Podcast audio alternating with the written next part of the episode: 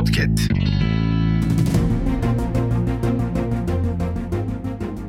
Hello, welcome to the weekly news in Turkey. We will inform you about the important developments that took place this week. Şanlıurfa, which was shaken by an earthquake on February 6th, experienced a flood disaster this time. The expected torrential rainfall with a meteorological warning throughout the city has negatively affected the region.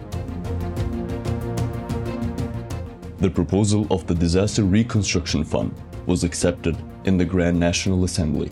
With this proposal, the necessary resources will be provided for zoning, infrastructure, and superstructure works in the areas that have been declared an effective disaster zone for general life due to natural disasters. Coach Emre Belözoğlu announced that he was suing Fatih Altaylı, who called him a child of Fethullah. The test vehicles of the domestic and national automobile TOGG, which everyone is eagerly waiting for, took a tour on the roads of Bursa. Test drives of TOGG, the first electric smart device of Turkey produced in Gemlik, were made with options of different colors.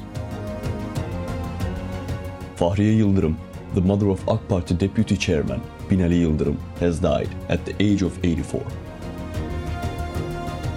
We will send the Syrians back within two years, Kemal Kılıçdaroğlu, the candidate of the sixth table said at Hatay border.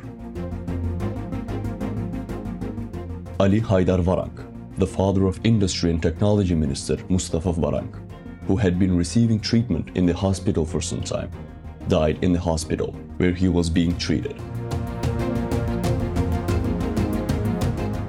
This was the agenda of the week in Turkey. See you in the new week.